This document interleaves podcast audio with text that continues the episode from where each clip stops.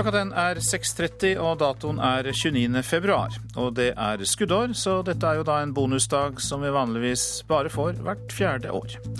Og Nyhetsmorgen har disse overskriftene. I USA har Mitt Romney vunnet republikanernes nominasjonsvalg i delstatene Michigan og Arizona. I dag starter tvangsobservasjonen av Anders Behring Breivik. Fra han står opp klokka sju om morgenen, vil Breivik de neste ukene bli observert av et team på ti syke og vernepleiere. Utenfor døra vil Ilas fengselsbetjenter sørge for sikkerheten. SV vil styrke jernbanen ved hjelp av egne utbyggingsselskaper og langsiktig finansiering. Stadig flere søker om unntak fra helsekravene for å beholde førerkortet. Og Det er jo en litt vanskelig sak når man skal ha et godt forhold til en pasient, at man da også skal være den som eh, melder fra at eh, et gode som det å ha førerkort eh, kanskje blir fratatt dem. Fylkeslege Karoline Olsborg i Troms. Her i studio i dag, Øystein Heggen.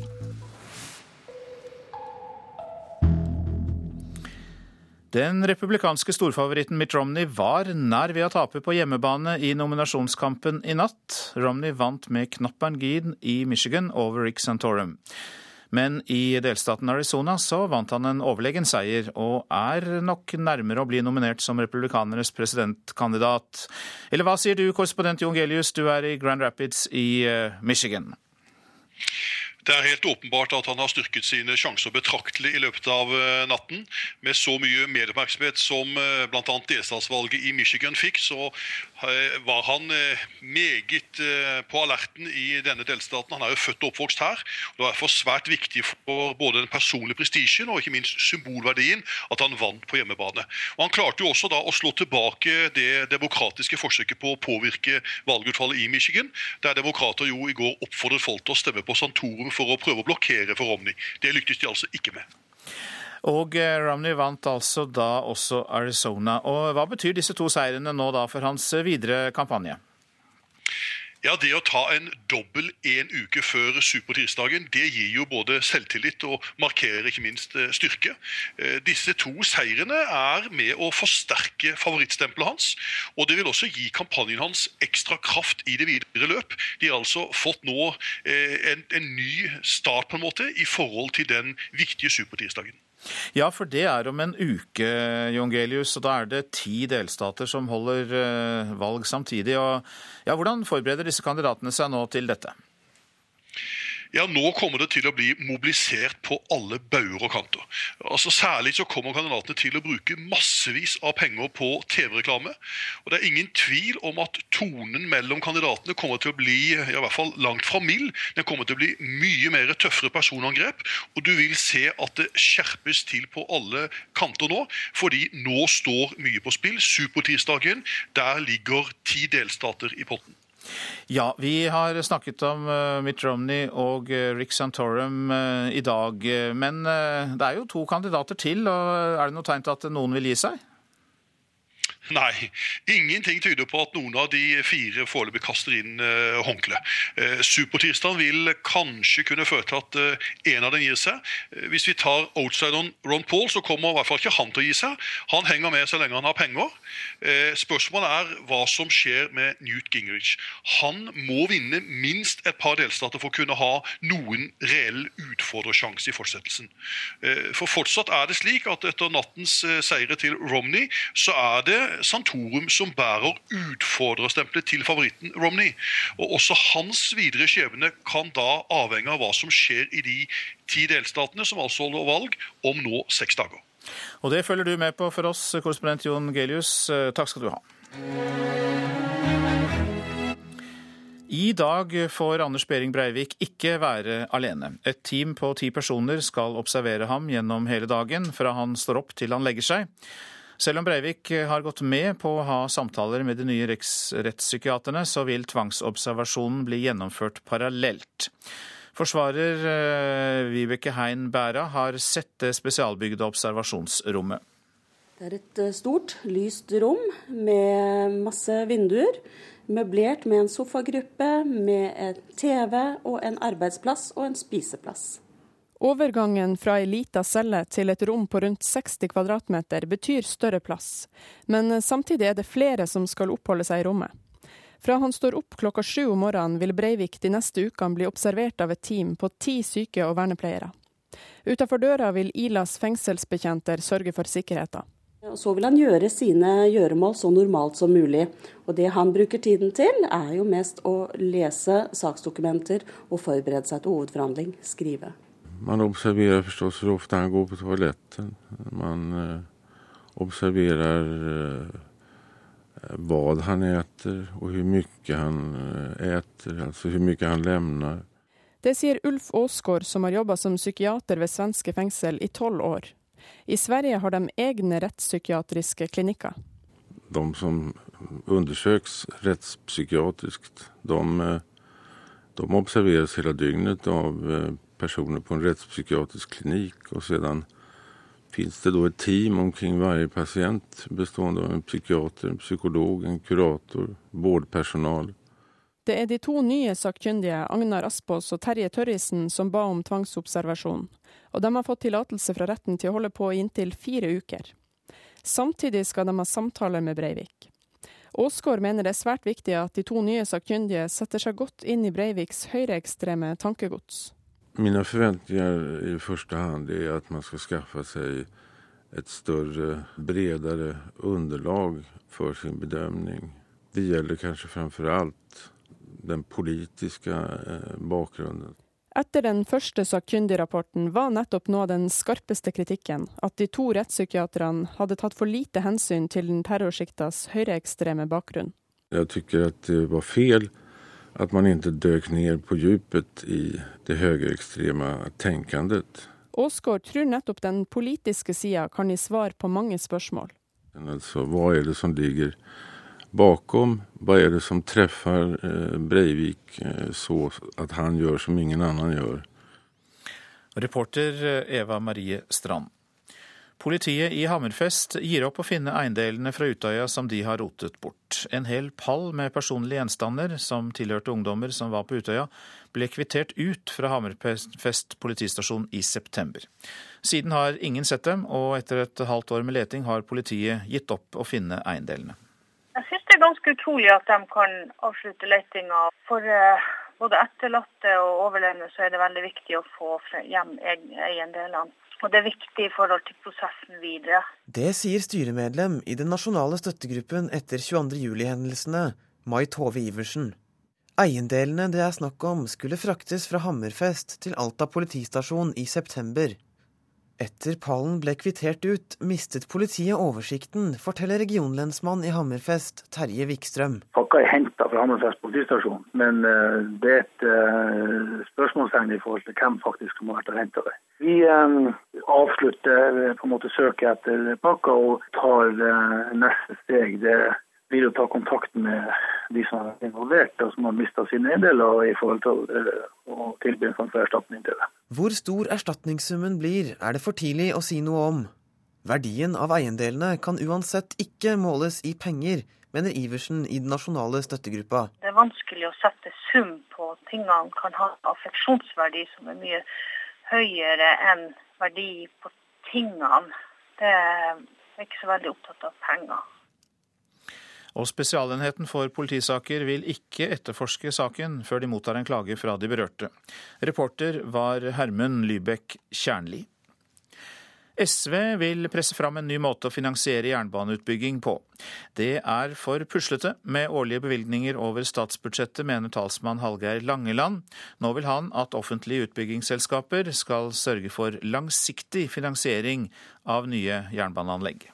Mens Avinor og andre kan låne penger og bygge ut flyplasser, så kan jernbanen kun vente på neste års statsbudsjett. Sånn kan vi ikke ha det.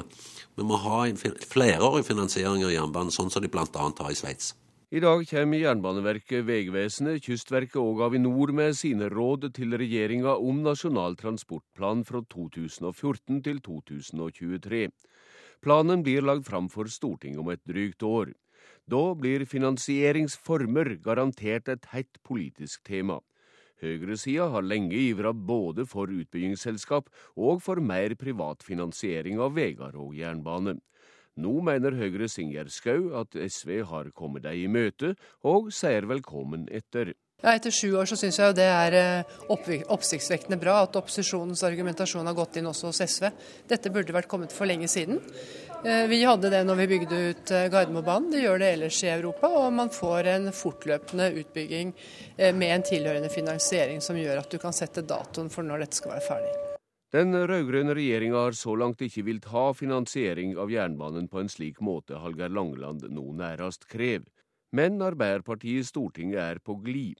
Talskvinne Susanne Bratli svarer slik når jeg spør om utbyggingsselskap kan få fart på jernbaneutbygginga i Norge. Ja, Det er jo ikke umulig. Det viktigste er jo å sikre at det er forutsigbar finansiering av prosjektene. Eh, og Vi har jo et tydelig landsmøtevedtak som sier noe om både organisering og finansiering av fremtidas samferdselsprosjekt. Velkommen etter, sier altså Høyres Ingjerd Skau. Men Hallgeir Langeland bryr seg ikke om at høyresida skulder han for å dilte etter. Det må du gjerne gjøre, men eh, for min del og for SV sin del så har vi sett på dette med at jernbanen er underfinansiert i 40 år, og sagt at dette må vi gjøre noe med. Borgerlig side de er jo ute etter både firefelts motorvei og jernbane og you name it, for de er i opposisjon og tar ikke det ansvaret som SV gjør i forhold til at jernbanen er klimavennlig, den reduserer trafikkulykkene, og vi prioriterer den framfor motorveier. Nå skal innspillene fra de offentlige samferdselsetatene ut på ei lang høring. Regjeringas framlegg til ny Nasjonal transportplan kommer altså neste vår. Og da blir nettopp debatten om finansieringsformer avgjørende, stadfester Ingjerd Skau. Ja, Det er helt avgjørende, sammen med at du endrer planleggingssystemet, sånn at du ikke bare har enkeltårsbudsjett, eh, men at du finansierer over lengre strekk, og at du sier og lover eh, alle reisende at eh, en dato og et årstall for når ting skal være ferdig. Og Bjørn Bø hadde laget denne saken. Nå til forsidene på avisene. Mest attraktiv, men dårligst lønnet er Dagsavisens omtale av førskolelærerne. Behovet for dem er enormt, men samtidig er det ingen i det norske samfunnet som tjener mindre enn førskolelærerne i løpet av en yrkeskarriere. Norges Bank mister makt over renta fordi norske banker får låne penger til langt lavere rente fra EU enn fra Norges Bank, skriver Klassekampen. EUs kriselån er blitt en utfordring for Norges Bank. Aftenposten viser bilder av syrere som løper for livet i byen Idlib. Sikkerhetsstyrker skyter mot familier, og hver dag dør 100 sivile, anslår FN. Mens volden øker, diskuterer verdenssamfunnet. Odd Nerdrums gård er tatt i arrest. Hans partnere i The Nerdrum Institute krever kunstmaleren for 13 millioner kroner, og har tatt pant i gården Røvik utenfor Stavern.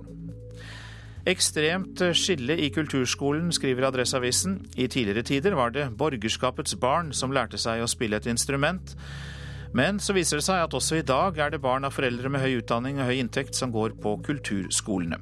De sosiale forskjellene i kulturskolen i Trondheim blir stadig større.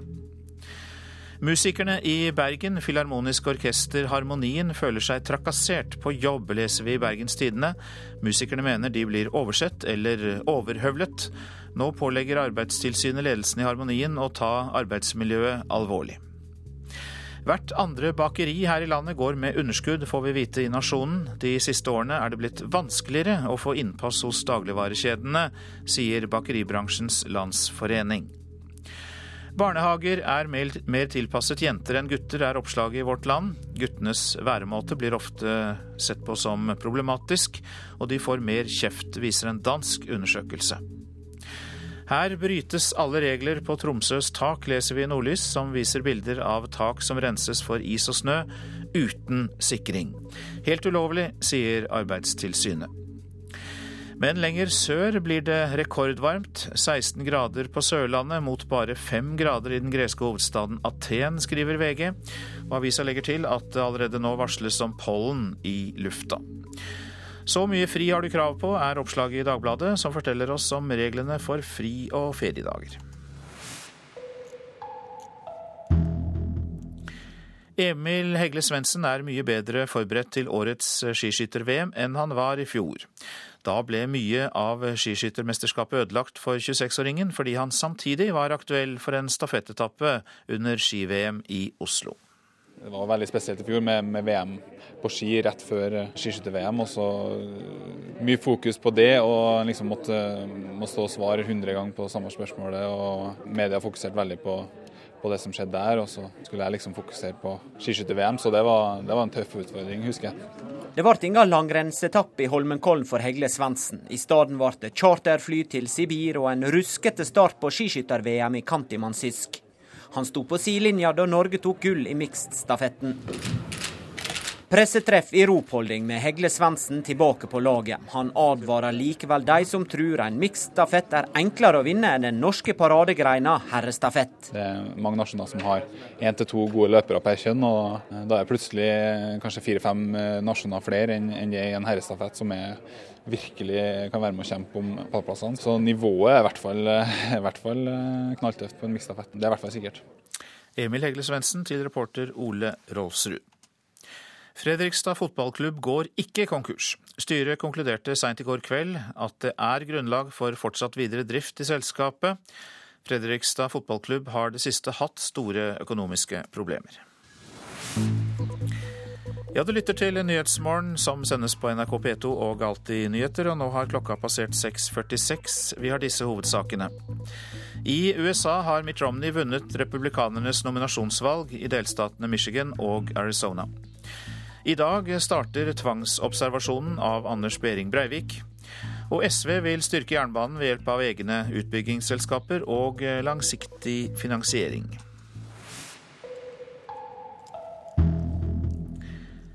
De tre regjeringspartiene sier nei til forsvarssjefens plan om å kutte antall heimevernssoldater fra 45 til 30 000.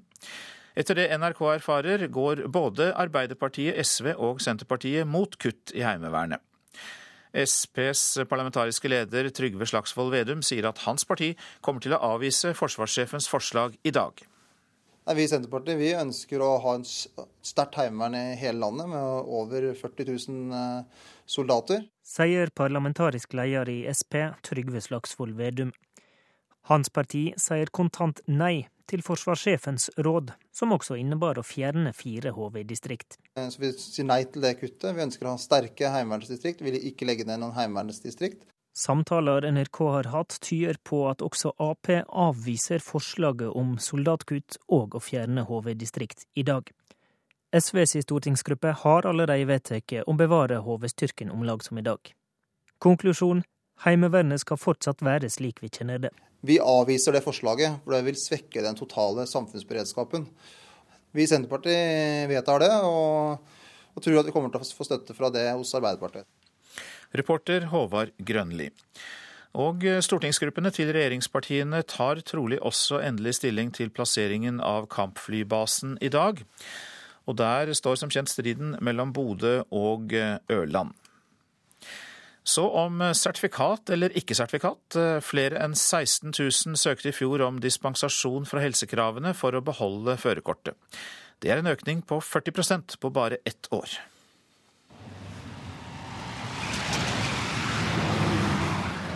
Harald Ovesen sitter i bilen sin utenfor et kjøpesenter i Tromsø. Han venter på kona, som er inne i butikken for å handle.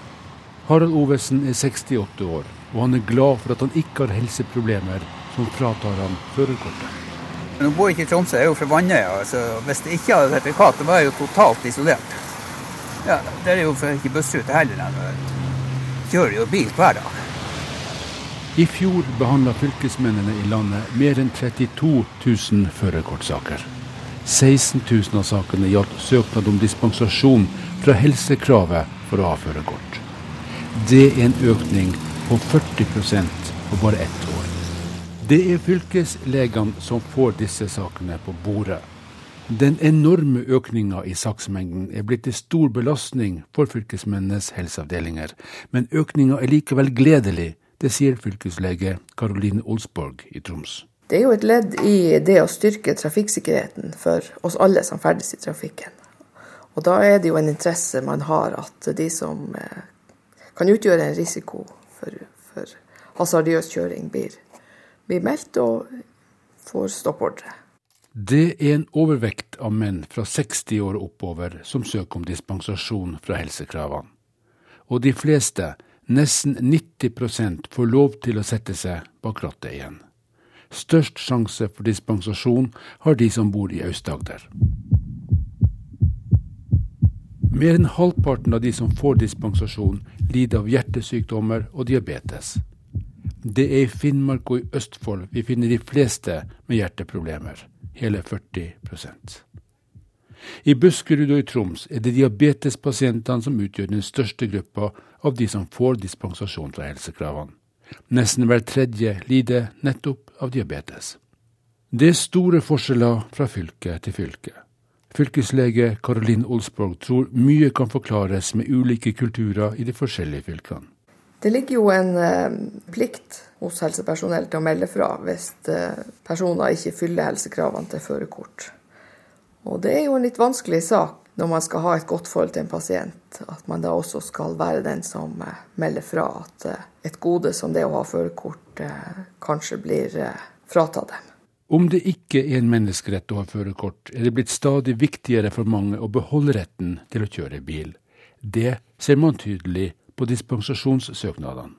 Det er jo ofte sosiale behov, det her med å følge opp unger og ungdom og fritidsinteresser. Og så er det jo det her med å komme seg rundt og ha en mulighet til å å være sosial, som er, er viktige poeng som dras fram i de søknadene vi ser. Man ser at forventningen til å være mobil og, og ha den friheten, det å kunne kjøre for seg sjøl og, og, komme seg rundt, det, det er noe som, som, ligger nærmest som en klar forventning at det skal man ha så lenge man, man er i stand til å sitte bak et ratt. Der ser vi kona til Harald Ovesen lenger borti gata. Hun er ferdig med handlerunden. Varene plasseres i baksetet, og nå skal de hjem. Men Harald Ovesen regner med at han ennå i mange år skal ta byturen i egen bil. Nei, så lenge som mulig. Man må kunne kjøre bil etter at jeg fylt 70. Det kan jeg ikke skjønne.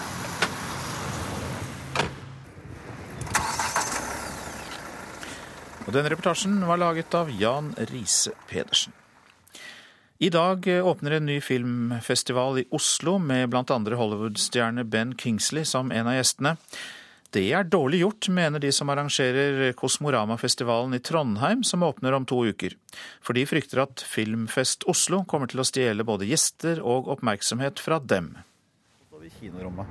Ja, dette her er jo like stort som Vika 1. Det blir ikke noe mindre enn det, tror jeg. På Jungstorget i Oslo rigges det nå til et kjempestort telt som skal romme både bar og lounge og kinosal. I dag åpner Filmfest Oslo for første gang i historien.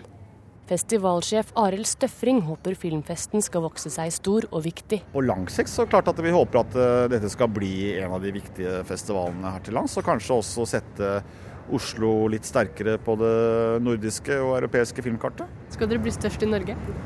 Er ikke så viktig å bli størst, altså. Er, kanskje vi skal bli best. I Trondheim er det knappe tre uker igjen til deres filmfestival Kosmorama går av stabelen for åttende gang. Styreleder i Kosmorama, Egil Akselsen, synes dagen i dag er en dårlig dag å åpne Filmfest Oslo på. Jeg synes det er dårlig gjort. Altså, det er alltid et problem når det blir veldig kort tid mellom store festivaler. Altså, du kjemper om de samme filmene, de samme gjestene. Selv om Filmfest Oslo og Kosmorama er nære i tid, er avstanden mellom Oslo og Trondheim 50 mil. Men det er ikke trøst god nok for Kosmorama. Vi er jo avhengig av medieoppmerksomhet. Vi er avhengig av at eh, Oslo ser hva som foregår i Trondheim. Altså at rikspressen ser det, riksmedia ser det. Hvis en festival skal lykkes, så må media se den. Arild Støfring i Filmfest Oslo sier de ikke hadde mange andre valg. I Oslo så er det så mye konkurranse om det samme publikummet. Om det er eh, folk som skal på ski-VM, eller som skal på Bylarm osv. Så eh, Pluss at vinterferieuken var i forrige uke, så vi, måtte, vi må ta alle de hensyn på en måte. Jeg føler ikke at det er noe problem verken for Kosmorama eller oss om vi ligger så å si samme måned nesten, eller noen uker imellom. Det er forskjellig publikum, altså. Det er nok publikum i Trondheim til å gå og se Kosmorama. Det er nok publikum i Oslo til å se Film først Oslo. Og det er nok publikum i Tromsø og Bergen osv. Det de er bekymra for i Trondheim, i Kosmorama, det er at sånn som meg, som jobber i rikspressen, ikke skal bry seg om deres festival når dere eh, har en filmfest her i Oslo såpass tett i tid. Ja, Men da får vi ta en vurdering totalt sett sammen med Kosmorama og de andre i etterkant, og så se hvordan plasserer vi oss best. Men for Kosmorama finnes det bare én klar løsning på problemet. Noen må flytte på seg. Reporter her, det var eh, Ina Strøm. 15 Oscar-statuetter gikk i går under hammeren på en auksjon i Los Angeles for rundt 16 millioner norske kroner til sammen. Mest populær var statuetten for beste manus for filmen Citizen Kane, som ble tildelt Herman Mankiewicz i 1941. Den statuetten gikk for hele 3,2 millioner kroner. Akademiet, som står bak Oscar-utdelingen, har protestert mot salget. De sier i en uttalelse at en Oscar skal vinnes og ikke kjøpes. I år er det skuddår, og det betyr at eh, dagen i dag er en ekstradag i kalenderen. Vi eh, har spurt folk på gata hva de skal bruke bonusdagen til. Eh, jeg skal bruke den dagen til å slutte å røyke, faktisk. For å overraske mormora mi. Hvorfor akkurat den dagen? Jeg bestemte meg for at jeg skulle slutte å røyke innen kort tid, og da var det den nærmeste, tøffeste dagen. Amanda Kisen fra Vestmarka i Eiskog har altså planen klar for skuddårsdagen. Denne dagen som blir til overs, og som bare blir skutt inn som en ekstra dag hvert fjerde år. Skuddår det har vi fordi den antallet antall ganger jorda roterer rundt seg selv, dvs. Si hvor mange døgn det er i løpet av et år, det er ikke akkurat 365 eller 366. Det er faktisk Hvis vi måler det nøye, så er det 365,2422 dager. Eh, rett og slett, Vi trenger en ekstra dag av og til, ellers så kommer vi helt i utakt. At eh, det går i utakt med årstiden og sånn. Per Vidar Barth Lilje er professor i astrofysikk ved Universitetet i Oslo. Og så Den kalenderen vi bruker nå, den er jo enda litt mer komplisert. Hvert fjerde år er et eh, skuddår, unntatt de skuddår som er deler med 100, uh, bortsett fra de som er deler med 400. Før var skuddårsdagen den eneste dagen kvinnene skulle by opp til dans, og ikke minst den eneste dagen kvinnene kunne fri. Nei, nei, det skal jeg ikke i hvert fall. Men kanskje han har forventninger til at du skal fri, tror du det? Nei, det tror jeg nok ikke. Han veit hvor landet ligger ennå. Men du forventer ikke at du blir fridd til eller noe sånt? Nei, det får jeg da håpe ikke. Men du har ikke lyst på å gifte deg med den første? Nei, nei. nei. Nei, det sa Kim Lundgren fra Kongsvinger. Og Renate Strømsrud fra Roverud hørte vi også. Reporter Ann Kristin Moe.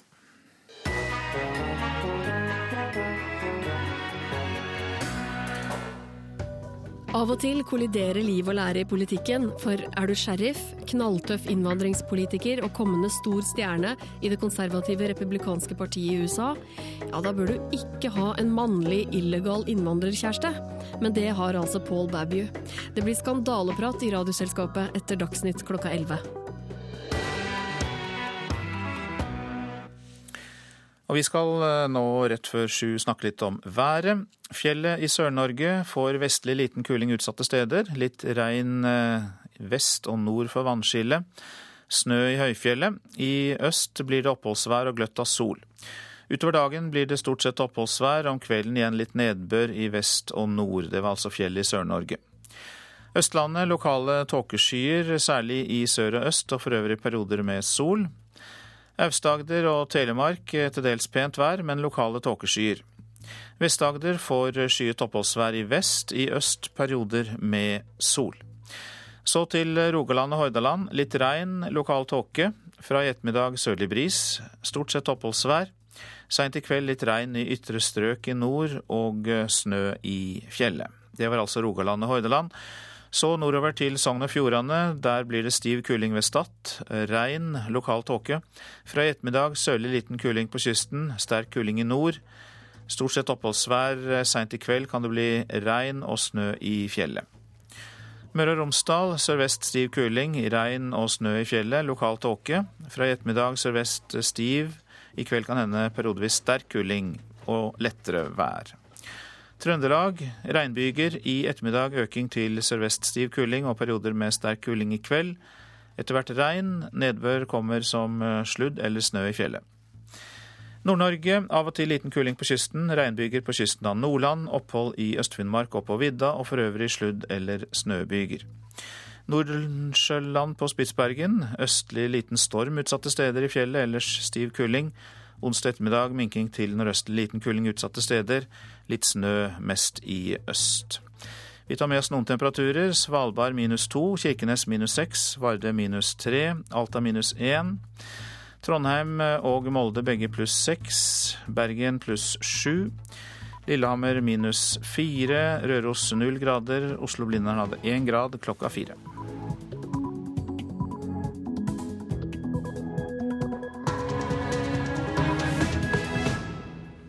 Da er klokka blitt sju, og du lytter til eh, Nyhetsmorgen. Her er Øystein Heggen i studio i dag med en nyhetsoppdatering.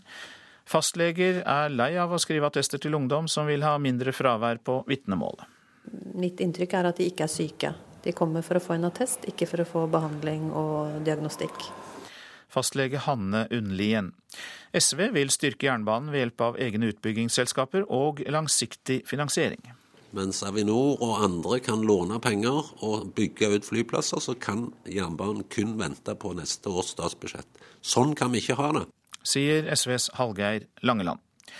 I USA har Mitt Romney vunnet republikanernes nominasjonsvalg i delstatene Michigan og Arizona. Fagforbundene avstår fra skyhøye lønnskrav, men krever andre goder i stedet. Siden eh, oppgjøret denne gangen sannsynligvis eh, vil eh, være innenfor stramme rammer, så vil det være ekstra hensiktsmessig at vi utnytter det store i den nordiske modellen.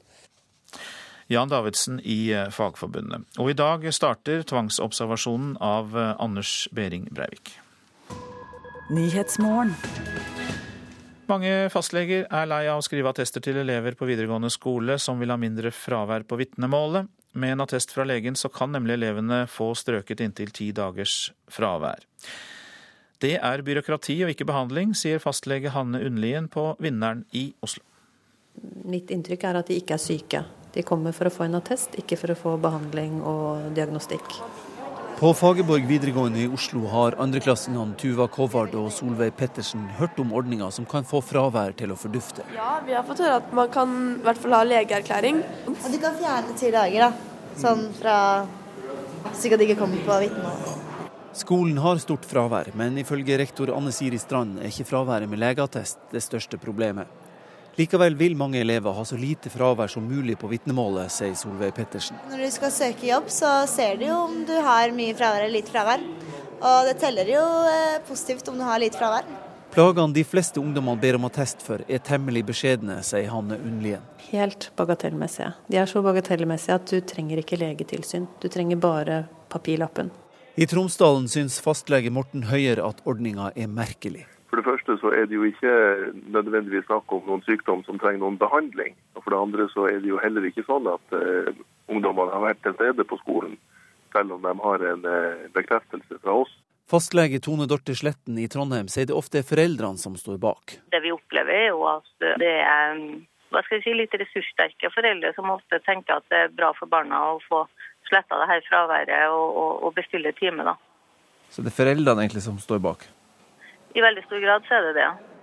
På Fagerborg snakker kameratene Thomas Nyquist, Peder Holager og Øystein Sehl om hva fraværet betyr. Det er vel viktig med jobbrela altså jobbrelasjon, at du da ikke skal ha høyt fravær. Jeg tror egentlig ikke det er så seriøst hvis du har et par dager fravær og et par timer. Ja, det som er viktig å tenke på, tror jeg, er at eh, det er kanskje noe du ikke må venne deg til. da. Videregående er på en måte å forberede seg på arbeidslivet.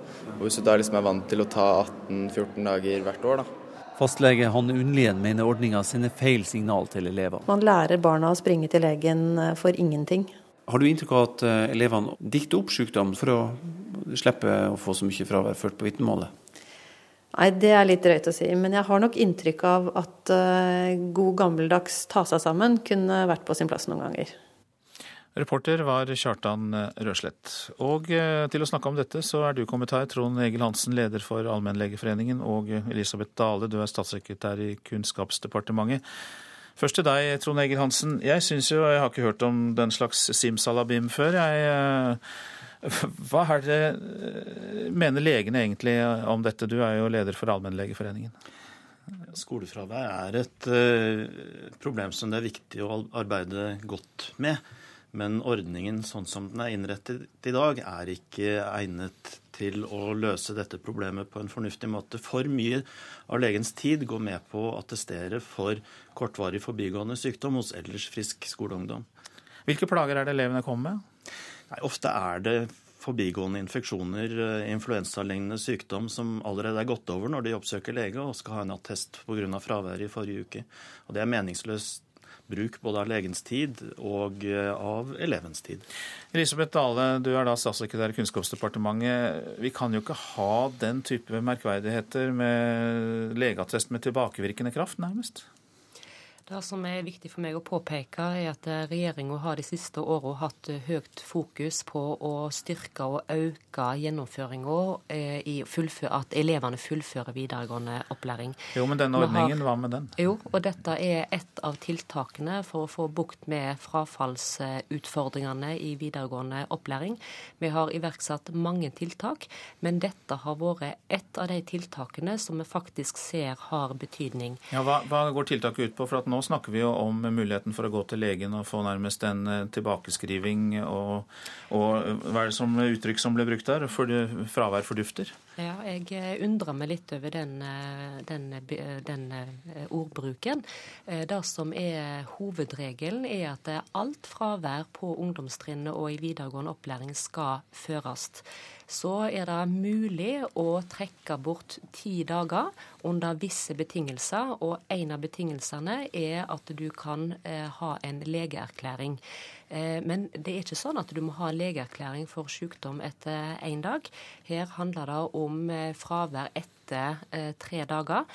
Og da var noe som ble tatt inn i forskriften nettopp for å avhjelpe den problemstillinga som nå Allmennlegeforeningen setter fokus på. Men blir dette misbrukt, Trond Egil Hansen? Det er vanskelig å svare på, fordi at når legen blir kontakta av en ungdom som sier at hun eller han var syk i forrige uke, så er, er det jo det som er budskapet i attesten. At eleven forteller at, kolon. Eh, og hvordan den blir, da blir håndtert videre, blir opp til, opp til, skolen. Men det er altså noe merkelig med denne ordningen som blir helt i strid med IA-tenkning for øvrig, hvor eh, legen skal attestere for fravær istedenfor å stimulere til og motivere til nærvær. Og ordningen blir veldig lite målretta i forhold til det som er skolens alvorlige fraværsproblem og helseut helseproblemsutfordring. Og det er for det første eh, elever med mer kronisk alvorlig sykdom som eh, må få tilrettelegging for å få en best mulig skolegang og en best mulig inngang på arbeidsmarkedet. Og det andre, kanskje enda større problemet, er drop-out-problemet, altså de som slutter å gå på skolen helt. Og jeg syns det er viktig at legenes innsats målrettes mer mot de to problemstillingene, og at man slutter å attestere for korttidsfravær for ellers frisk ungdom. Blir det resultatet etter denne kritikken Elisabeth Dahle, at man slutter å attestere for korttidsfravær? sykehusfravær? Nei, jeg tror dette er et viktig tiltak nettopp for å få bukt med frafallsproblematikken. Ja, hvordan får du bukt med det når man har denne åpningen for å nærmest eh, Nei, rense seg for fravær? Da må vi se på hvordan eh, legene praktiserer denne ordninga òg. Fordi at eh, i fraværsføringa så skal det framkomme hvorfor eleven er borte, hvis du da skal kunne stryke inntil ti dager. Og da er nær sammenheng mellom fravær og forfall, og det er viktig både både for den enkelte elev og samfunnsøkonomisk at vi får elevene gjennom videregående opplæring. Og Derfor er dette viktig å ansvarliggjøre elevene. Og jeg er helt enig med Allmennlegeforeningen at vi selvsagt skal ha fokus på de kronisk syke, nærvær og tilpasning for all sykdom. Men her handler det om å ansvarliggjøre elevene, sånn at de skjønner at de ikke skal være borte eh, uten grunn. Og derfor så må de da ha en attest hvis de da er borte mer enn tre dager, som er grunna sykdom. Og da skal legen vurdere om det er sykdom eller ikke. Det, men, ikke ja. det høres ut som det er et misbruk av ordningen her, og det vil vel du også til livs?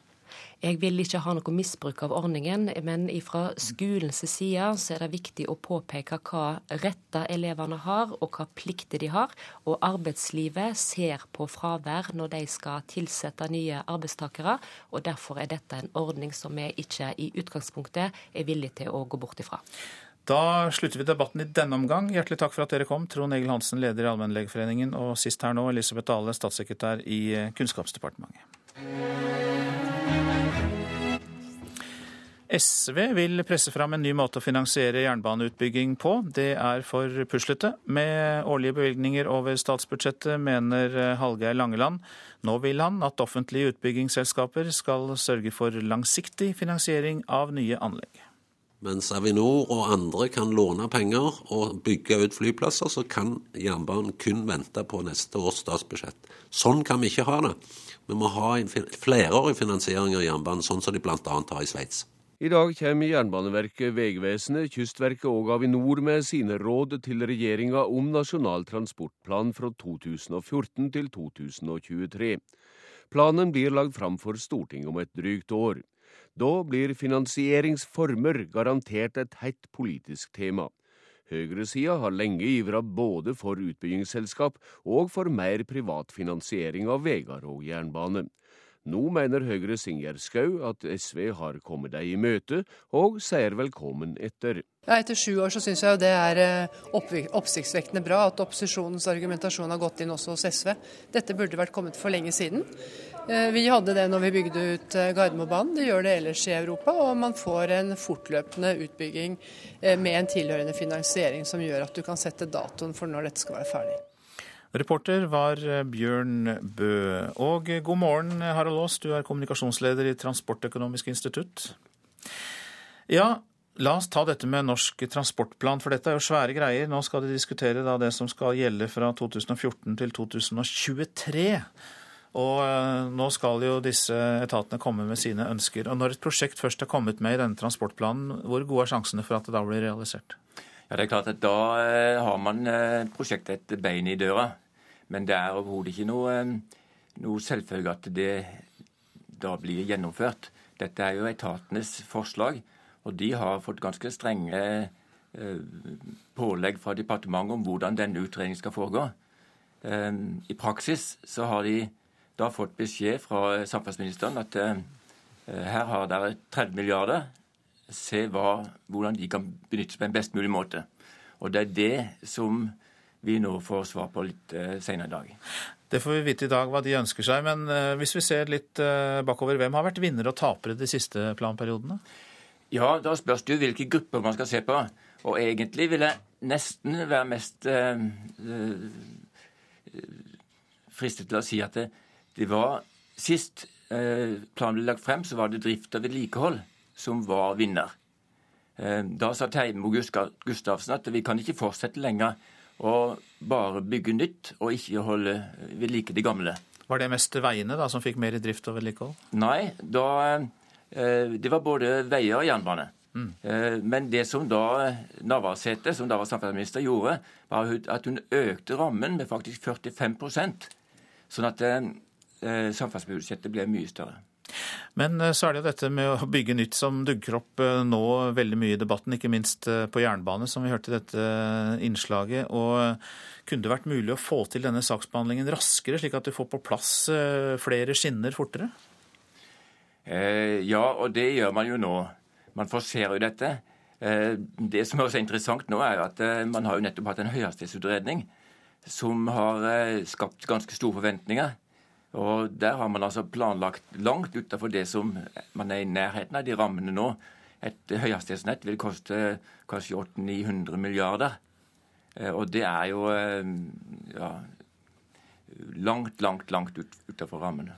Så det vi snakker om er disse høyhastighetsutredningene som har fått store overskrifter i det siste. Det er en helt annen verden enn den eh, verdenen som legges i den norske transportplanen nå? Det er en helt annen verden. Og selv da den uh, utredningen av intercity, uh, satsing på intercitytriangelet, som uh, Jernbaneverket la frem nå, der har man kommet til at en utbygging av dobbeltspor på de strekningene vil koste ca. 130 milliarder kroner. Og det kan gjennomføres på 13 år optimalt. Det vil si at man må doble da investeringen til jernbanen for at man skal få dette til. Du har jo fulgt dette her eh, gjennom flere år. og eh, Føler du at eh, det trengs å røskes opp i finansieringsmulighetene også, slik vi hørte at SV og flere andre har gått inn for? Altså å få til finansiering raskere og få prosjektene forsert? Det er helt klart at det å få prosjektfinansiering, så at kan, prosjektet kan gjennomføres på en rasjonell måte, det er veldig viktig. Men man må ikke glemme det at uansett hvordan man finansierer dette, så skal det betales av noen. Og eh, det er jo et spørsmål om eh, hvor mye det er rom for innen norsk økonomi etc. etc. Da er vi tilbake der igjen, ja. Mange takk skal du ha, kommunikasjonsleder Harald Aas i Transportøkonomisk institutt. Finanskrisen fører til at arbeidstakere krever mindre lønnsvekst, men til gjengjeld så krever de andre goder. Lederen i Fagforbundet vil ha både arbeidsgiverne og regjeringen med på å endre arbeidsbetingelsene i kommunene. Tiltak mot deltid og mer kompetanse til arbeidstakerne er blant kravene fra Jan Davidsen. Både behovene for å eh, videreutvikle arbeidsplassene våre, og eh, ikke minst sørge for at eh, de ansatte har kompetanse til å følge med utviklingen, det vil også være sentrale tema i, i dette oppgjøret. Det at folk skal kunne få, få hele stillinger og de endringene det vil medføre òg i organiseringen av arbeidslivet, det øker bare behovet for kompetanse. Listen over krav i årets hovedlønnsoppgjør er lang. Finanskrisen ute gjør at fagforbundene hensyntar konkurranseutsatte bedrifter, og krever mindre lønnsøkning enn de liker. Til gjengjeld krever Jan Davidsen og hans fagforeningskolleger flere andre goder. Innleie av arbeidskraft, helgejobbing og små stillingsbrøker i kommunene kan skape problemer for arbeidsgivere og arbeidstakere i årets lønnsoppgjør. Men Samhandlingsreformen, der flere skal få behandling på hjemstedet i stedet for å ligge på sykehus, det kan være brekkstangen for å gjøre noe med situasjonen, mener LOs største forbund, Fagforbundet. Leder Jan Davidsen inviterer både arbeidsgivere i KS og regjeringen den som betaler for driften i kommunene, til å bli med på spleiselaget. Så Vi er jo ute etter å se på andre typer løsninger, gjerne i samarbeid med regjeringen for å få dette her til. Det er hovedoppgjør og fritt frem for å diskutere hva det skal være. Likevel, kravet utenom kroner og øre har lett for å bli store summer det også, sier KS-direktør Per Christian Sundnes. Det betyr ikke nødvendigvis at vi får noe enklere vei til en løsning, det. Fagforbundet mener også at eh, for å få på plass nødvendig både mannskap og arbeidstidsordninger i kommunene, eh, så må også regjeringen være med på laget. Det vil innebære at også arbeidsgiverne må si ja til det. Hva tenker du om det? Så langt så har jo partene i kommunal sektor både hatt tradisjon for og interesse av å løse lønnsoppgjørene på egen hånd. Eh, det er vårt utgangspunkt denne gangen også. Det betyr jo ikke at man ikke har hatt tariffoppgjør hvor regjeringen har vært inne i bildet, men eh, for tiden så forbereder vi oss på å løse oppgaven på egen hånd. Hvis han mener at eh, regjeringen skal bidra med penger i lønnsoppgjøret, så syns jeg ikke det rimer med det moderasjonskravet som eh, jeg syns gjennomsyrer alle forberedelser til tariffoppgjørene i alle tariffområdene så langt som vi har sett det til nå, i hvert fall. Reporter her, det var Hedvig Bjørgum. Billige kriselån fra EU utfordrer norsk økonomi. Finanspolitikere i flere norske partier frykter for mindre selvstendighet i den norske pengepolitikken, skriver Klassekampen. Norske banker som DNB har tatt opp eh, billige kriselån gjennom Den europeiske sentralbanken. Og I dag offentliggjør Den europeiske sentralbanken resultatene av den andre runden med ekstraordinære lån til europeiske banker. Og eh, de mest attraktive tjener minst. Behovet er enormt for førskolelærere. Alle som tar denne utdanningen kan regne med å få jobb, viser en oversikt fra Statistisk sentralbyrå. Samtidig ligger førskolelærerne på jumboplass når det gjelder lønn gjennom et helt yrkesliv, skriver eh, Dagsavisen. Klokken den eh, har passert 7.18, og i Nyhetsmorgen har vi disse hovedsakene. Fastlegene er lei av å skrive attest til ungdom som vil ha mindre fravær på vitnemålet. SV vil styrke jernbanen ved hjelp av egne utbyggingsselskaper og langsiktig finansiering. Og stadig flere søker om unntak fra helsekravene for å beholde førerkort.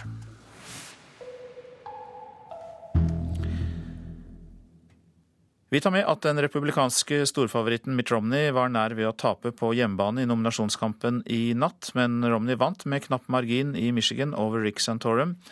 I Arizona vant eh, Mitt Romney overlegent, og er nærmere å bli republikanernes presidentkandidat. Frankrikes president Nicolas Sarkozy haler innpå Francois Hollande på meningsmålingene fem uker før valget i Frankrike. Hollande hadde et forsprang på 7% for en uke siden, men nå er det skrumpet inn til 4,5 prosentpoeng. Alt tyder på at det må bli to valgomganger før landets neste president kan eh, utropes. Flere amerikanere tror nå på klimaendringer. Det viser en ny undersøkelse fra University of Michigan. 62% av de spurte mener nå at det foreligger solide bevis for at klimaendring finner sted. I fjor ble det satt ny ekstremværrekord i USA.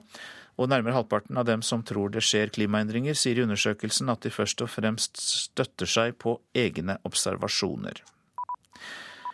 Cruiseskipet Costa Allegra, som eies av samme selskap som den havarerte Costa Concordia, vil først nå land på Seychellene om et døgn. Skipet er helt mørklagt etter brannen i maskinrommet i går, og nødrasjoner har blitt fløyet om bord. Etter brannen lå skipet og drev med over 1000 passasjerer om bord i et område som er kjent for piratvirksomhet. Israel kommer ikke til å varsle USA før et eventuelt angrep på Iran. Det sier etterretningskilder til nyhetsbyrået Ap. I en serie samtaler med sine amerikanske kolleger skal Israels president Benjamin Netanyahu og forsvarsminister Ehud Barak gjort det klart at de ikke vil varsle sine allierte før et eventuelt angrep på Irans atominstallasjoner. I forrige uke sa tidligere sikkerhetsrådgiver til Det hvite hus, Signiev Bresinski, til CNN at USA ikke vil støtte et slikt angrep. We don't need to go to war. And we have to make that very clear to our Israeli friends. We're not going to go to war. They're not going to go to war by flying over our airspace over Iraq.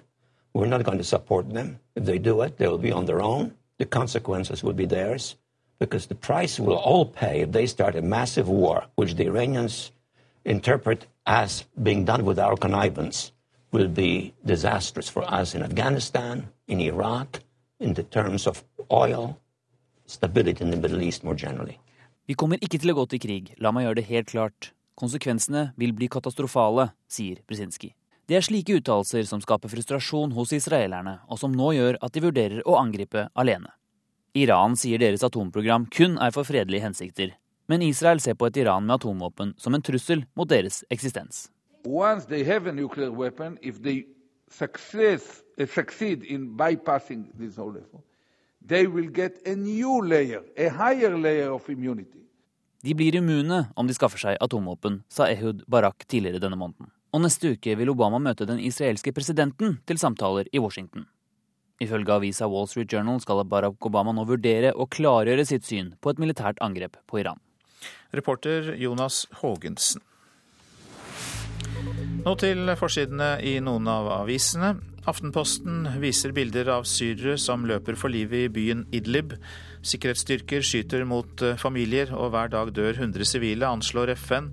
Mens volden øker, så diskuterer verdenssamfunnet, skriver avisa. Odd Nerdrums gård er tatt i arrest. Hans partnere i The Nerdrum Institute krever kunstmaleren for 15 millioner kroner, og har tatt pant i gården Røvik utenfor Stavern. Ekstremt skille i kulturskolen, skriver Adresseavisen. I tidligere tider var det borgerskapets barn som lærte seg å spille et instrument. Men også i dag er det barn av foreldre med høy utdanning og høy inntekt som går på kulturskolene. De sosiale forskjellene i kulturskolen i Trondheim blir stadig større. Musikerne i Bergen Filharmoniske Orkester, Harmonien, føler seg trakassert på jobb, leser vi i Bergens Tidende. Musikerne mener de blir oversett eller overhøvlet. Nå pålegger Arbeidstilsynet ledelsen i Harmonien å ta arbeidsmiljøet alvorlig. Hvert andre bakeri her i landet går med underskudd, får vi vite i Nasjonen. De siste årene er det blitt vanskeligere å få innpass hos dagligvarekjedene, sier Bakeribransjens Landsforening. Barnehager er mer tilpasset jenter enn gutter, er oppslaget i Vårt Land. Guttenes væremåte blir oftere sett på som problematisk, og de får mer kjeft, viser en dansk undersøkelse. Her brytes alle regler på Tromsøs tak, leser vi i Nordlys, som viser bilde av en mann som renser tak for is og snø uten at han har sikring. Det er helt ulovlig, sier Arbeidstilsynet. Men mens de måker snø i Tromsø, så blir det rekordvarmt lenger sør i landet. 16 grader på Sørlandet mot bare 5 grader i den greske hovedstaden Aten, skriver VG. Og avisa legger til at allerede nå varsles det om pollen i lufta. Så mye fri har du krav på, er oppslaget i Dagbladet, som forteller oss om reglene for fri- og feriedager.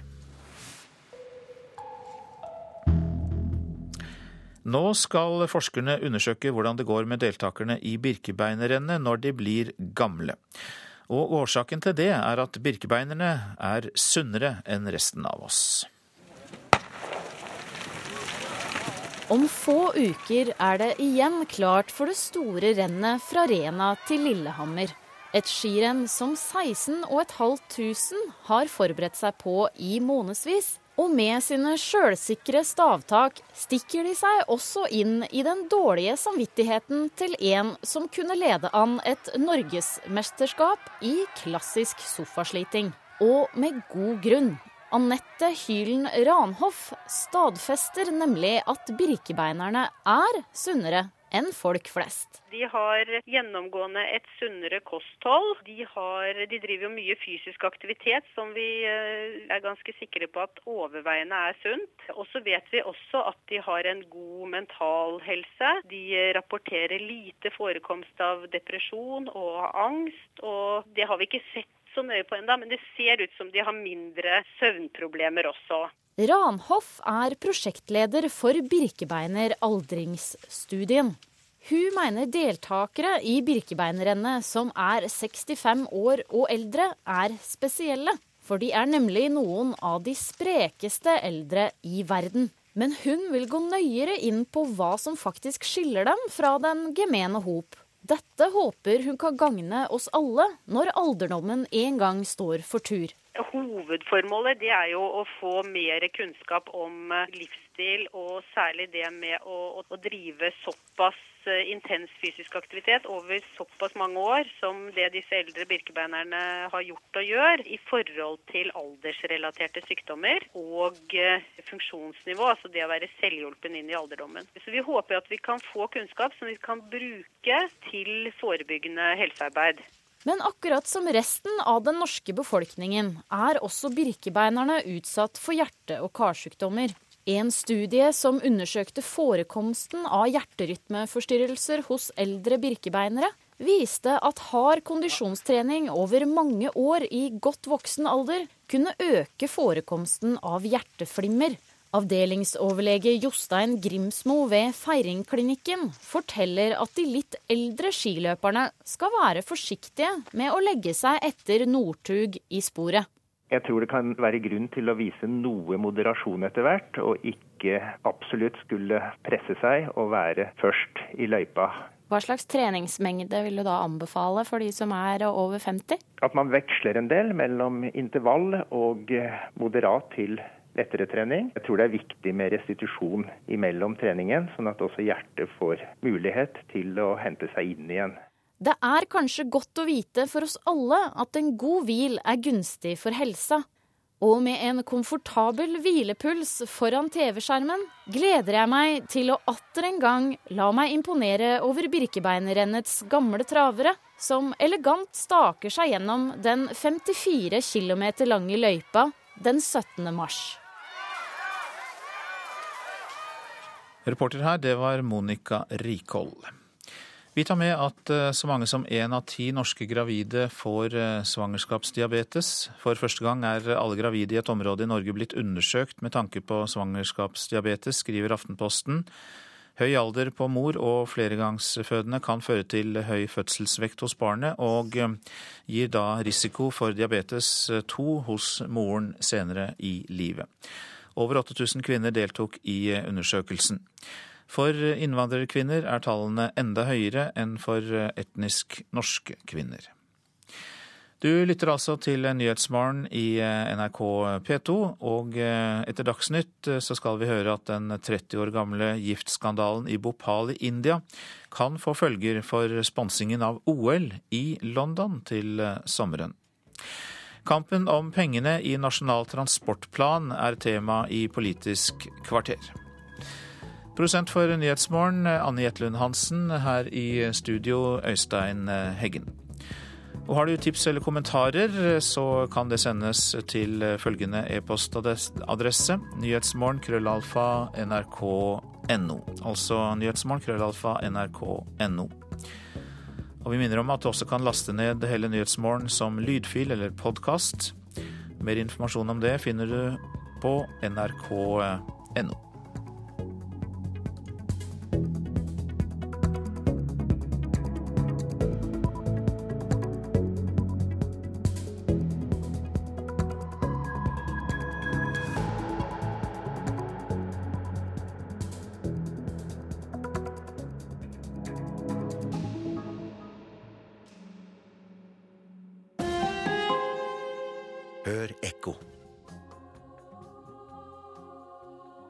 skjer når du blir frelst? Blir du åndelig opplyst eller lurt?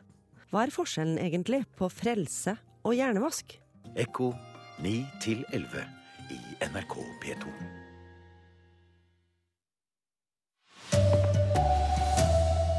Fastleger er lei av å skrive attester til ungdom som ønsker mindre fravær på vitnemålet. Regjeringspartiene verner Heimevernet, avviser kuttplanen til forsvarssjefen. Det er fire år siden sist. I dag kan jenter fri.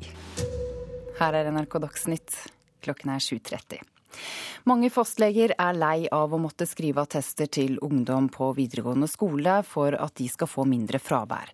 Med en attest fra legen kan nemlig elevene få strøket inntil ti dagers fravær på vitnemålet. Dette er byråkrati, ikke behandling, sier fastlege på Vinneren i Oslo, Hanne Undlin. Mitt inntrykk er at de ikke er syke. De kommer for å få en attest, ikke for å få behandling og diagnostikk. På Fagerborg videregående i Oslo har andreklassingene Tuva Kovard og Solveig Pettersen hørt om ordninger som kan få fravær til å fordufte. Ja, vi har fått høre at man kan i hvert fall ha legeerklæring. Ja, du kan fjerne ti dager, da. Sånn fra slik at de ikke kommer på vitnemål. Skolen har stort fravær, men ifølge rektor Anne Siri Strand er ikke fraværet med legeattest det største problemet. Likevel vil mange elever ha så lite fravær som mulig på vitnemålet, sier Solveig Pettersen. Når du skal søke jobb, så ser du jo om du har mye fravær eller lite fravær. Og det teller jo eh, positivt om du har lite fravær. Plagene de fleste ungdommene ber om attest for, er temmelig beskjedne, sier Hanne Unnlien. Helt bagatellmessige. De er så bagatellmessige at du trenger ikke legetilsyn. Du trenger bare papirlappen. I Tromsdalen syns fastlege Morten Høyer at ordninga er merkelig. For det første så er det jo ikke nødvendigvis snakk om noen sykdom som trenger noen behandling. Og for det andre så er det jo heller ikke sånn at uh, ungdommene har vært til stede på skolen, selv om de har en uh, bekreftelse fra oss. Fastlege Tone Dorte Sletten i Trondheim sier det ofte er foreldrene som står bak. Litt ressurssterke foreldre som ofte tenker at det er bra for barna å få sletta det her fraværet og, og, og bestille time. da. Man lærer barna å springe til legen eh, for ingenting. Reporter Kjartan Rørslett. Dette er et spørsmål om å ansvarliggjøre elevene, sier Elisabeth Dale, som er statssekretær i Kunnskapsdepartementet. Hun sier elever må forstå at de ikke kan være borte uten grunn. Det er viktig både for den enkelte elev og samfunnsøkonomisk at vi får elevene gjennom videregående opplæring. Og Derfor er dette viktig å ansvarliggjøre elevene. Og jeg er helt enig med Allmennlegeforeningen at vi selvsagt skal ha fokus på de kronisk syke, nærvær og tilpasning for all sykdom. Men her handler det om å ansvarliggjøre elevene, sånn at de skjønner at de ikke skal være borte eh, uten grunn. Og derfor så må de da ha en attest hvis de da er borte mer enn tre dager, som er grunna sykdom. Det sa statssekretær i Kunnskapsdepartementet Elisabeth Dale. De tre regjeringspartiene avviser forsvarssjefens plan om å redusere antall heimevernssoldater fra 45 000 til 30 000. Etter det NRK erfarer, går både Arbeiderpartiet, SV og Senterpartiet mot dette. Sps parlamentariske leder Trygve Slagsvold Vedum sier hans parti kommer til å avvise forslaget i dag. Vi i Senterpartiet vi ønsker å ha en sterkt heimevern i hele landet med over 40 000 soldater sier parlamentarisk leder i Sp, Trygve Slagsvold Vedum. Hans parti sier kontant nei til forsvarssjefens råd, som også innebar å fjerne fire HV-distrikt. Så Vi sier nei til det kuttet. Vi ønsker å ha sterke heimevernsdistrikt. Vi vil ikke legge ned noen heimevernsdistrikt. Samtaler NRK har hatt, tyder på at også Ap avviser forslaget om soldatkutt og å fjerne HV-distrikt i dag. SVs stortingsgruppe har allerede vedtatt å bevare HV-styrken om lag som i dag. Konklusjon Heimevernet skal fortsatt være slik vi kjenner det. Vi avviser det forslaget, for det vil svekke den totale samfunnsberedskapen. Vi i Senterpartiet vedtar det, og, og tror at vi kommer til å få støtte fra det hos Arbeiderpartiet. Reporter her var Håvard Grønli.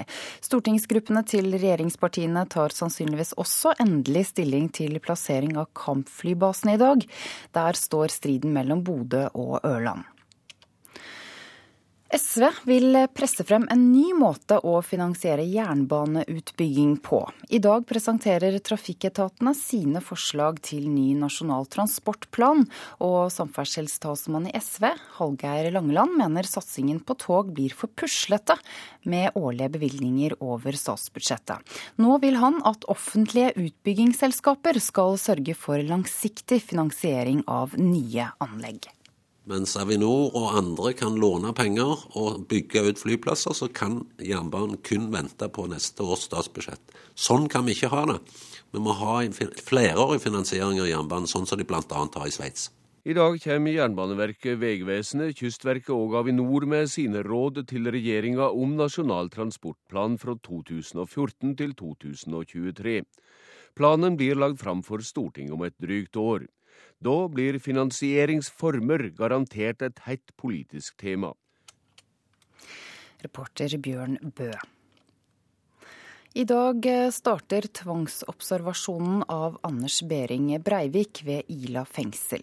Fra han står opp til han legger seg i kveld, skal han observeres av et team på ti personer. På observasjonsrommet har Behring Breivik arbeidsplass, sofagruppe, TV og spisekrok. Og tvangsobservasjonen skal pågå parallelt med at de to nye rettspsykiaterne Terje Tørrisen og Agnar Aspås har samtaler med Breivik. Observasjonen på Ila kan vare i inntil fire uker.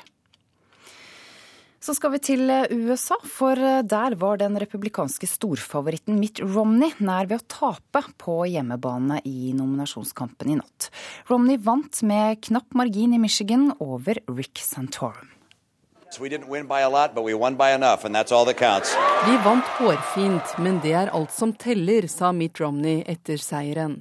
Rivalen Rick Santorum var fire prosentpoeng bak etter at 80% av stemmene er talt opp, og han så også på det som en seier. You know, we in a race that everyone said, well, just ignore, you have really no chance here. And all I have to say is, I love you back. Ingen regnet med oss, sa han. I Arizona vant derimot Romney overlegent, men det var spesielt viktig for ham å vinne kampen om å bli republikanernes presidentkandidat i Michigan, sier korrespondent Jon Gelius. Han er jo født og oppvokst her, og det er derfor svært viktig for både den personlige prestisjen og ikke minst symbolverdien at han vant på hjemmebane. Thank you, Arizona. Great victory in Arizona tonight. And thank you, Michigan. What a win. This is a big night. Thanks, you guys. Reporter Åse-Marit Befring. Emil Hegle Svendsen er mye bedre forberedt til årets skiskytter-VM enn han var i fjor. Da var trønderen aktuell for en stafettetappe under ski-VM i Oslo, og det ødela mye av skiskyttermesterskapet for 26-åringen.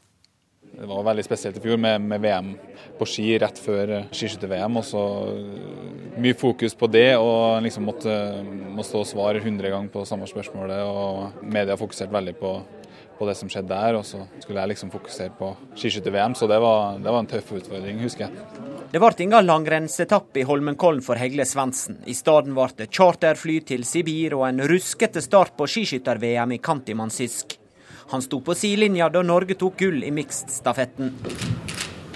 Pressetreff i ropholding med Hegle Svendsen tilbake på laget. Han advarer likevel de som tror en miksstafett er enklere å vinne enn den norske paradegreina herrestafett. Det er mange nasjoner som har én til to gode løpere per kjønn, og da er det plutselig kanskje fire-fem nasjoner flere enn det i en herrestafett, som er virkelig kan være med å kjempe om pallplassene. Så nivået er i hvert fall, i hvert fall eh, knalltøft på en miksstafett. Det er i hvert fall sikkert. Reporter Ole Rolfsrud. I dag er det skuddårsdag, som bare blir lagt til februar hvert fjerde år. Vi har spurt hva folk skal bruke dagen til. Eh, jeg skal bruke den dagen til å slutte å røyke, faktisk. For å overraske mormora mi.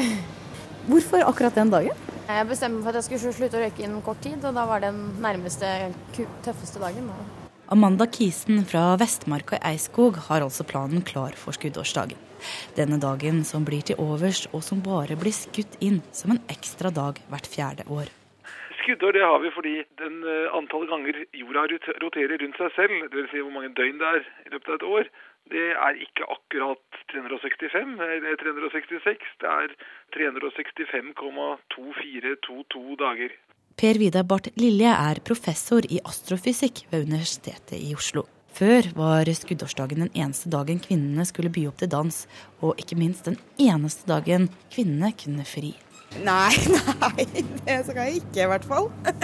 Men kanskje han har forventninger til at du skal fri, tror du det? Nei, det tror jeg nok ikke. Han veit hvor landet ligger ennå. Men nei, du forventer ikke at du blir fridd til eller noe sånt? Nei, det får jeg da håpe ikke. Men du har ikke lyst på å gifte deg med den første? Nei, nei. nei. Reporter Ann Kristin Moe. Ansvarlig for sendingene denne morgenen er Sven Gullvåg. Teknisk ansvarlig Arnt Egil Nordlien. I studio Ida Creed.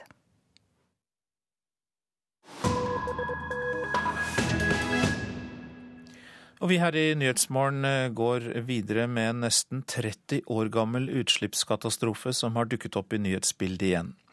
Selskapet som sto bak det store giftutslippet i Bhopal i India, er kjøpt opp av en industrigigant, og nå er denne giganten storsponsor av sommer-OL i London.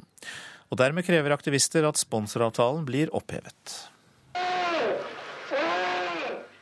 Det er 27 år siden disse skrika ble festa til filmen. En voksen mann sitter med ei pustemaske framfor ansiktet og roper av smerte, medan to andre menn holder både mannen og maska i ro. Natt til 3.12.1984 hadde det leket giftige gasser ut av fabrikken til kjemikalieprodusenten Union Carbide i Bhopal i India.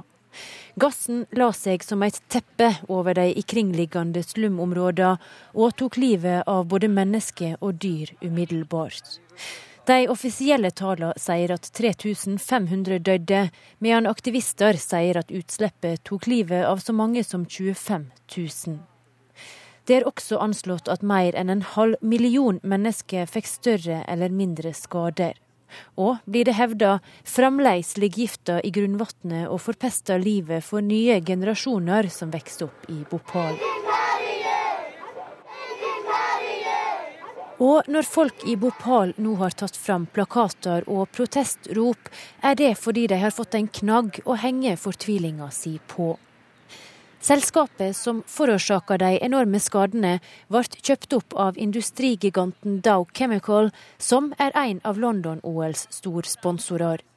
Dow har bl.a. lagt millioner av pund på bordet for å få kle utsida av OL-stadion med et nesten kilometerlangt dekorativt banner. Avtalen har skapt intens motstand både i India og i Storbritannia. Det blir hevda at selskapet som sto bak katastrofen aldri betalte en stor nok erstatning, og at dette ansvaret derfor hviler på Dow. Ultimately, Dow has responsibility for the worst human rights abuse by a corporation in my generation. Til sjuende og sist er Dow ansvarlig for de verste menneskerettsbruddene noe industriselskap har gjort i løpet av min levetid, sier Meredith Alexander, som var tilsatt for å overvåke London-OLs etiske standard. For noen uker siden sa hun opp jobben i protest mot Dows sponsoravtale. I just couldn't sit by and do nothing. Denne veka møtte aktivister den britiske høykommissæren i India, der de overleverte oppmodinger fra 20 000 personer som ber britiske styresmakter om å gripe inn. There is ample proof that UK government has uh, control through its public authority called Dette reklamebanneret er faktisk noe styresmaktene kan bestemme over, og nå må de ta grep for å få fjernet Dow Chemical som sponsor for OL, sier Ragnar Dingra, som jobber med Bhopal-ofra.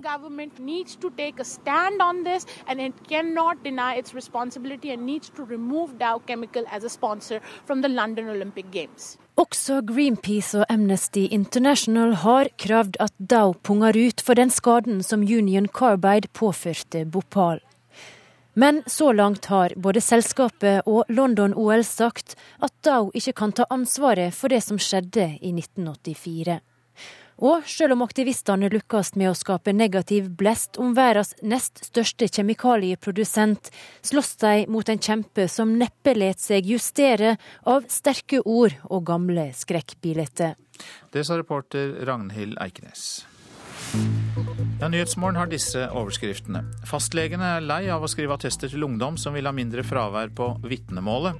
SV vil ha egne utbyggingsselskaper og langsiktig finansiering for å styrke jernbanen. I USA har Mitt Romney vunnet republikanernes nominasjonsvalg i delstatene Michigan og Arizona. Og i Politisk kvarter så blir det mer om samferdsel, programleder Siri Gjørts. Ja, for i dag så starter da slagsmålet om milliardene som skal gå til vei, jernbane og kystledere i de kommende åra.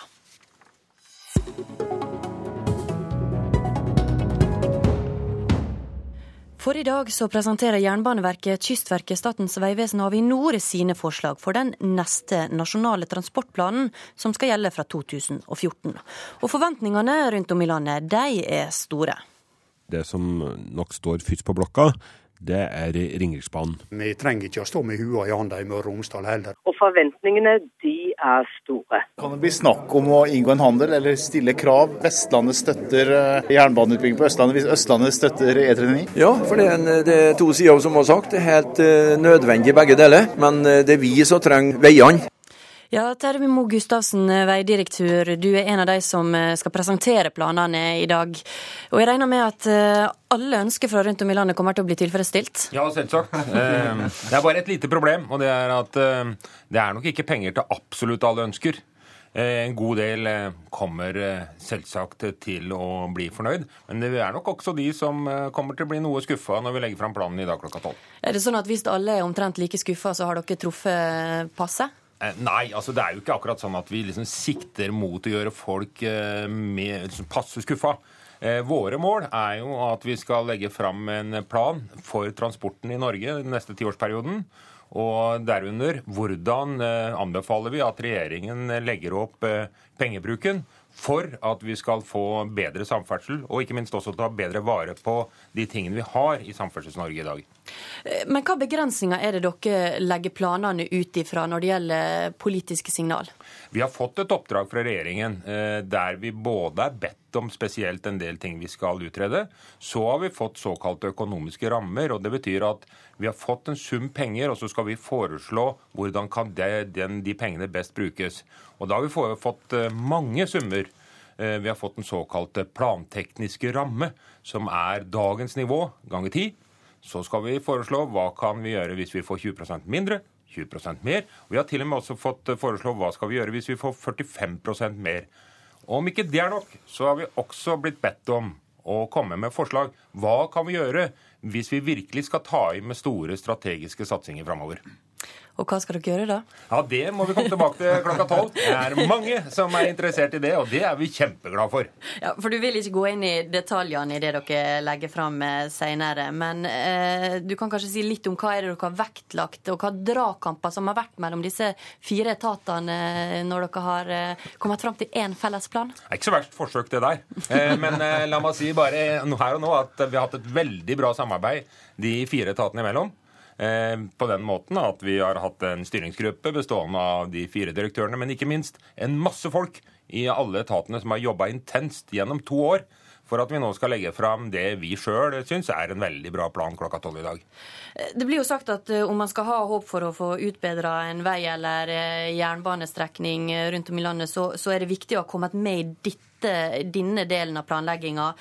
Vil det si at dere har hatt stor pågang fra lokalkrefter rundt omkring? Ja, og vi har hatt et tett samarbeid også med fylkeskommunene. Vi skal huske det at på veisida så er dette en plan for riksveiene. Og faktisk er det sånn at mesteparten av veiene i Norge i dag de er fylkesveier, og omfattes for så vidt ikke direkte av denne planen. Men det er riktig, vi har hatt en stor pågang, og det har vi også ønsket. Vi har hatt en veldig, veldig bred deltakelse i arbeidet med planen så langt. Og jeg er helt sikker på at den planen vi i dag legger fram, den kommer til å gi masse engasjement, både blant sentrale og lokale politikere og mange andre, og som igjen da vil danne grunnlaget for regjeringens arbeid med den endelige transportplanen som blir lagt fram omtrent på denne tida neste år. Men som vi hørte i Dagsnytt, så er det jo da et viktig spørsmål i den kommende debatten hvordan denne utbygginga skal finansieres. Er det noe som etaten sier noe om i, i planene i dag? Ja, da lo Hallgeir Langeland. er du spent på hva etaten kommer til å si? Absolutt, og jeg har registrert Må bare tilføye at du er da samferdselspolitisk talsmann for SV, for de som ikke vet det. Det stemmer. Eh, Men jeg har jo registrert at eh, Terje Moe Gustavsen sier om samarbeid mellom etatene det er blitt mye bedre de siste åra. Ikke minst etter vi fikk ny jernbanedirektør. Eh, Men det som SV er opptatt av, det er toget. Toget er i dag diskriminert. Det vil si at de har kun én venn, og det er finansministeren. Så hvis ikke han har penger, så blir det ikke noe togbygging. Og det er det som har skjedd de siste 40 åra inntil SV kom i regjering, for da har vi klart å fem, femdoble eh, jernbaneinvesteringene. Derfor så må vi ut av diskrimineringen, og det vi skal gjøre da, det er å lage en ny finansieringsform for jernbaneinvestering. og da må jeg få lov til å presentere det for Bård Hoksrud, før du eh, tar ordet. Og eh, du smilte med en gang eh, det ble nevnt tog her. Ja, altså Vi i Fremskrittspartiet syns det er viktig å gjøre noe med toget og de utfordringene vi har på jernbanen. Men det er ganske frekt av Langeland, fordi han sier nå at han ønsker å få på plass et statlig selskap og få på plass nye finansieringsløsninger. Det har Fremskrittspartiet fremma forslag om i Stortinget mange ganger. Langland har stemt imot det, senest bare for noen måneder siden. Og det er ganske sånn, og det han ønsker å gjøre, det er altså at bilistene skal flås enda mer. For det er de som skal dekke opp og fylle opp det fondet til Langland, og de selskapene som Langland skal ha på jernbane. Og det er ganske frekt. Bilistene i Norge betaler inn 60 milliarder kroner i avgifter på bil og får under 20 milliarder tilbake til veiformål. Men dere i Frp vil jo også ha egne selskap som skal finansiere tog og vei. Hvordan, hvor skal dere ta pengene da? Nei, For det første så mener vi det at det bør tas av oljeoverskuddet. Bare i fjor altså, gikk Norge med over 110 milliarder kroner i overskudd utover det som var forutsatt fra regjeringa sin side. Det betyr altså at vi kan må bruke noen av de pengene på å investere i infrastruktur, redusere ulykkene på veiene, få næringsliv, få varene fortere fram. Det er ting som virkelig reduserer samfunnsutgiftene for samfunnet på lang sikt, og som virkelig eh, monner. Og det er det vi trenger i Norge nå. Ja, altså, Bård Hoksrud han eh, ble for jernbanen i 2008. Nei, det er før, det, så, før det så kutta han i jernbanebudsjettene, for han så på jernbanen som et sosialistisk kollektivistisk da? Så, så nå er han for, så det er bra. Men, men eh, problemet hans er at han er Ole Brumm. Han skal ha mest mulig motorveier, først og fremst. Og så skal han ha jernbane litt sånn på si. Det SV sier veldig tydelig, det vi prioriterer jernbanen.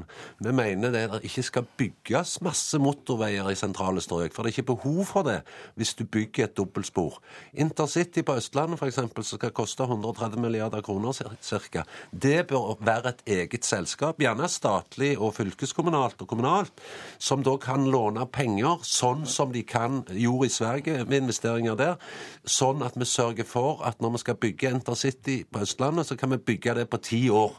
Og det er ingen motsetning med å bygge Intercity på Østlandet. Samtidig så bygger vi da altså høyfartstog i Norge. Hva syns du om det vi kaller Ole Brumm fra SV? Det er ikke noe Ole Brumm i det hele tatt. Det handler faktisk om å si at man ønsker å investere i infrastruktur. Og vi må bygge ut jernbane. Men det er ikke sånn som Langeland sier, at hvis man bare bygger dobbeltspor i intercitytriangelet, så har vi løst utfordringene for de som er på veien. Det er jo ikke sånn alle som kjører på veien i dag, skjønner at vi er nødt til å bygge ut veinettet vårt også. Det er jo det det handler om å gjøre begge deler. Ja, for det er jo enkelte plasser toget ikke går til. Det stemmer. Og det er jo klart at der er det jo ikke, bygger vi ikke dobbeltspor av jernbane. Der gjør vi noe med veiene, med vedlikeholdet, med rassikring og, og, utbedring av veiene. Det er opplagt. Derfor så vil det bli en, en prioritering av det der det ikke er tog. Du vil jo helst ikke det, Langland, for du vil helst at alt skal over på buss og ingen skal kjøre bil. Det er det, SV, det, er det du foreslår. Og du ønsker å kutte i bevilgningene på veisida. Og Da må du være ærlig på det, og så må du si at ja, bilistene skal ta den regningen her. Og jeg syns det er trist at det er holdningen din. Vi har så mye penger. Vi har over 3500 milliarder snart på oljefondet som vi kan bruke på infrastrukturbygging. Vi i SV er opptatt av andre enn bare de som sitter i et sete i en bil. Vi er opptatt av å flytte, bl.a. flytte de fra det bilsetet og over på et togsete. Og det mener et flertall på Stortinget. Alle partier unntatt Fremskrittspartiet mener det i klimaforliket. Og det, klima, og det klimaforliket er, er vi nå opptatt av å få realisert. Og da må vi bl.a. bygge ut jernbane for å redusere biltrafikken.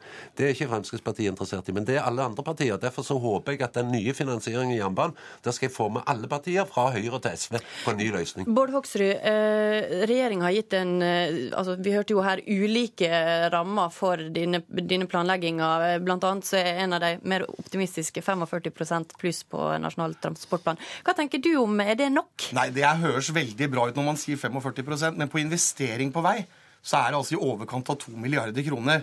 Det betyr altså at hvis, for eksempel, hvis man skulle brukt alle de ekstrapengene, så er det ca. 15 km motorvei. Det betyr altså mellom Oslo og Sandvika. Det er det som er liksom det voldsomt flotte med 45% Vi må mye høyere enn det. Vi må ut av statsbudsjettet. Vi må få på plass to statlige selskaper, ett på vei og ett på jernbane. Og så må vi putte penger inn der, og så må vi få på plass fond. Da ville man virkelig kunne løfte investeringene på, på infrastruktur. For eh, opposisjonen vil ha eh, to selskap, eh, ett for vei og ett for jernbane. Du, men du snakker bare om eh, jernbane. Det stemmer. Fordi at det er jernbanen som er diskriminert i Norge. Eh, motorveiene har bompenger, så de, asfalten ruller ut der hele veien. Flyplassene de det, er vel, det er vel mulig at folk i distriktene ikke nødvendigvis syns at asfalten ruller ut eh, Nei, fort nok. det, det er derfor jeg sier at vi må differensiere mellom sentrale strøk og distrikt. Og der det er tog, og der det ikke er tog.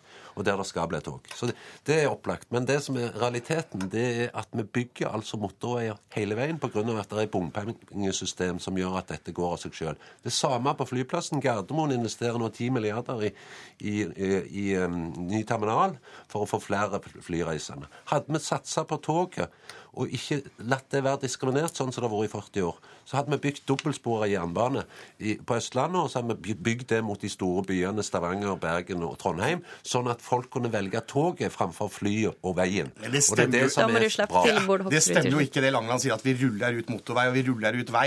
I år skal vi bygge 11 km motorvei. Vi skal bygge 17 km midtdelere. Og når vi vet altså at vi har flerfoldig titalls tusen kilometer vei i Norge, så opplever ikke folk at dette er å rulle ut asfalt. Altså. Men det, med, det som er- Bård, ikke, Bård Hoksrud ikke kan se vekk ifra, det er at det er bompenger som, som Fremskrittspartiet administrerer rundt omkring i landet, og sørger for at det bygges veier. Dette er jo det- poenget, ditt, poenget, Langeland. poenget er at det, det er egne inntekter på veien, sånn at den ruller ut. men Jernbanen har bare finansministeren, og det er derfor vi må gjøre noe spesielt med jernbanen som er diskriminert. Og da må jeg dessverre sette slutt for den debatten. Senere i dag får vi altså vite hva det etatene legger fram av prioriteringer.